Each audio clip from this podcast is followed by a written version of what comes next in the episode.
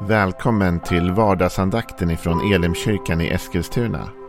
Det här är en podcast som kommer ut måndagar till fredagar. Om du vill veta mer om vilka vi är, vad vi tror på, hur du kan komma i kontakt med oss eller vad vi kan erbjuda dig för någonting så gå in på www.elimkyrkan.com. Får jättegärna gå in och likea vår Facebook-sida. Det är facebook.com elimeskilstuna. Eller så söker du upp oss på YouTube och då söker du på Elimkyrkan Eskilstuna. Vi vill jättegärna komma i kontakt med dig. Men nu lyssnar vi till dagens andakt. Välkommen till vardagsandakten. God jul och gott nytt år får man väl säga till alla er lyssnare. För nu är vi ju framme vid den 23 december. Och imorgon är det den stora dagen, julafton. Jag vill då passa på att tacka alla er som har varit med under året och lyssnat. Både nya och gamla lyssnare. Jag vet att det har tillkommit en del. Och jag vet att en del har lyssnat länge. Och vi har sett lyssnare från hela Sverige verkligen. Och även utomlands vet vi att vi har lyssnare som sitter. Och det känns så roligt att ni delar detta med oss. Att dela några tankar varje dag, läsa Bibeln ihop och fundera. Nu däremot så kommer vi göra så att vi tar ett litet uppehåll över mellandagarna. Och så i, i januari är vi tillbaka igen. Så ni får hålla till godo. Men jag kan ju uppmuntra dig som är ny lyssnare då, som kanske inte har hängt med så länge. Att eh, det finns ju sparat alla våra gamla andakter. Så det finns gott om andakter om du vill lyssna på någonting under juluppehållet. Så är det ju bara att gå in och, och lyssna på dem. Ni kan också ta del av streamade gudstjänster och gemenskap på andra sätt. Här i Elimkyrkan har vi på juldagen en gudstjänst klockan 11.00 och på nyårs afton har vi bön klockan 18.00 som du kan ta del av. Men nu ska vi avsluta den här texten om Jesus ifrån Matteus 16. När Jesus har försökt förklara för sina lärjungar vad som kommer hända nu. Att han skulle gå upp till Jerusalem, han skulle bli tillfångatagen, arresterad, han skulle bli dömd, han skulle bli dödad och han skulle efter tre dagar uppstå igen. Men det hade de svårt att acceptera. De tyckte inte alls att det här var lätt.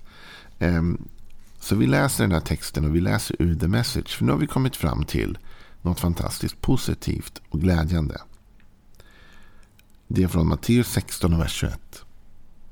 Jesus förklarade nu för lärjungarna att han måste gå till Jerusalem, lida i händerna på de religiösa ledarna, dödas och sedan efter tre dagar stå upp levande. Petrus drog honom då med sig och började protestera. Det kunde han omöjligt mena. Det fick bara inte ske.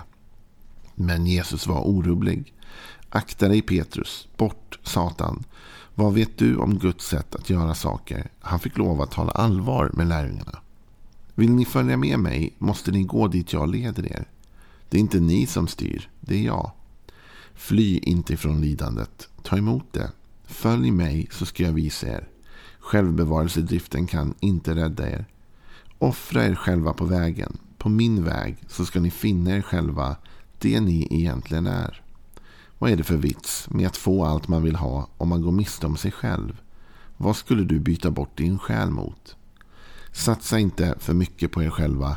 Innan ni vet ordet av kommer Människosonen tillbaka i sin fars glans med en hel armé av änglar.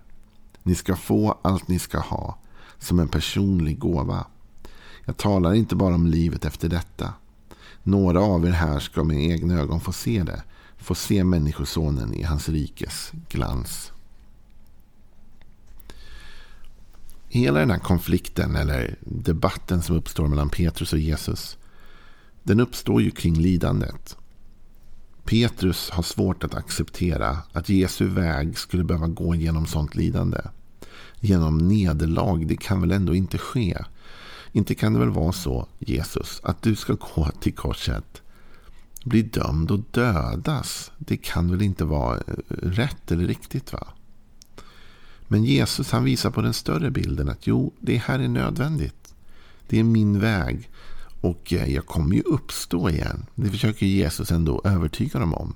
Han kommer uppstå igen.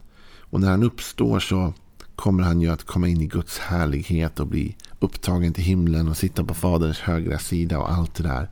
Och ha ett namn som är över alla andra namn. Men Jesus levde för något större än sig själv. Och han försöker förklara för Petrus det vi redan har läst. att Ta inte er själva på för stort allvar. Lev för någonting mera än er själva. Och vi vet att Jesus vid andra tillfällen talade om att om inte vetekornet faller i marken och dör så förblir det ett ensamt korn. Men om det dör, då bär det rik frukt. Jesus talar om att han var tvungen att vandra den här vägen. Och vi vet ju att Jesus vid tillfällen själv kommer att ifrågasätta det. Eller inte ifråga, jo, ifrågasätta det. I ett semane när han säger till Gud, finns det ingen annan väg? Måste jag verkligen? Är det här enda sättet? Men Gud ger honom ändå förvissning om att jo, du måste ta den här vägen om vi ska se det resultat som vi önskar och drömmer om.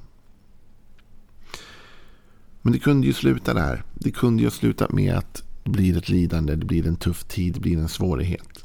Och jag tror säkert inte att jag behöver undervisa dig om eller berätta för dig att livet har med sig svåra passager ibland. Det tror jag alla människor upplever. Och faktum är att om du är troende och vill följa Jesus och vill leva ett liv i Guds vilja så kan det ibland bli lidanden på grund av det.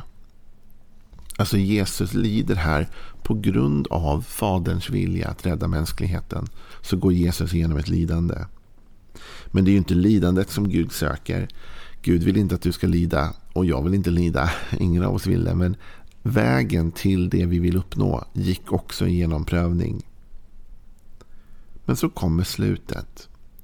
Och det är då Jesus ändå försöker försäkra Petrus om att du vet även om det blir lidanden och även om det blir utmaningar så har Gud koll på dig. Och du kommer belönas för din trofasthet. Du kommer inte ha brist. Du kommer inte lida nöd efter detta. Utan Gud är med dig. Så här står det. Ni ska få allt ni ska ha. Ni ska få allt ni ska ha. Så Jesus försöker ändå förmedla till Petrus här. Var inte orolig Petrus. Gud har koll på vad du behöver. Och det här ligger ju helt i linje med det som Jesus tidigare har undervisat i bergspredikan i Matteus där Jesus säger Hörni, oroa er inte så mycket för, för vad ni behöver, för mat och kläder och andra saker, utan sök först Guds rike och hans rättfärdighet. Då ska ni få allt det andra också. Jesus poängterar att det finns en väg till att få allt vi behöver. Men vi får först prioritera Gud. David hade ju samma erfarenhet. Herren är min herde, mig ska inget fattas. Alltså när jag vandrar på hans vägar så kommer jag inte sakna någonting. Visst, det kommer utmaningar. Dödsskuggans dal står det om i psalm 23. Men därefter står det också om det dukade bordet som Gud har förberett. Min poäng är detta. Det finns utmaningar i livet. En del utmaningar finns bara för att vi lever och för att vi är del av en, en värld, en fallen värld. En del utmaningar kommer komma när du väljer att nu ska jag tjäna Gud. Nu ska jag ge mig ut för att leva för något annat än mig själv, för något större än mig själv. Så kommer det komma utmaningar just på grund av det. Det finns ju ett mörker som kämpar emot ljuset hela tiden. Men även trots alla dessa utmaningar, alla dessa prövningar, så är vi ju aldrig ensamma. Utan Gud är med oss. Och vi kommer att få det vi ska ha. Kan du bara smaka på den versen lite grann. När Jesus säger ni ska få allt ni ska ha. Tänk om det fick vara ett mantra för oss inför nästa år. Någonting vi upprepade för oss själva hela tiden. Nu går vi mot nyår och som jag sa det här sista vardagsandakten innan nyår. Vi är tillbaka i januari igen.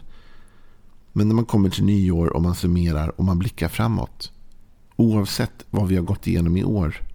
Tänk om vi kunde ha med oss detta att Jesus har lovat oss att vi ska få allt vi ska ha.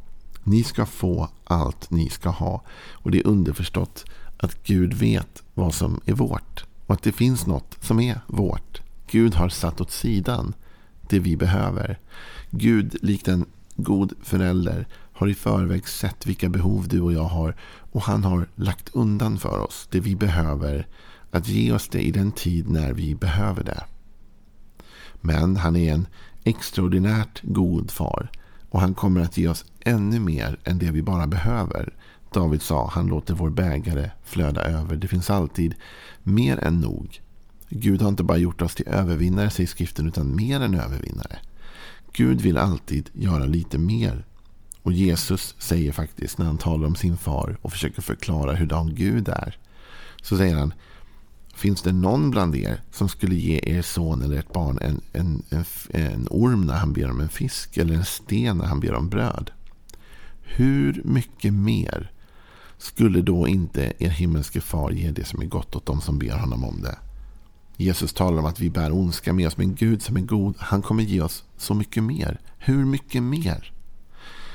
Ni ska få allt ni ska ha. Bär det med dig. Låt det bli en bön inför nästa år. Tänk att vakna på morgonen och säga tack Gud för att du vet vad jag behöver och jag kommer få det jag ska ha. Men sen finns det en tillägg till det som gör det hela ännu mycket starkare, tycker jag. Det är att Jesus sa, ni ska få allt ni ska ha som en personlig gåva. Så här talar Jesus om att han personligen kommer se till. Det är inte bara så att Gud har outsourcat dina behov till någon annan.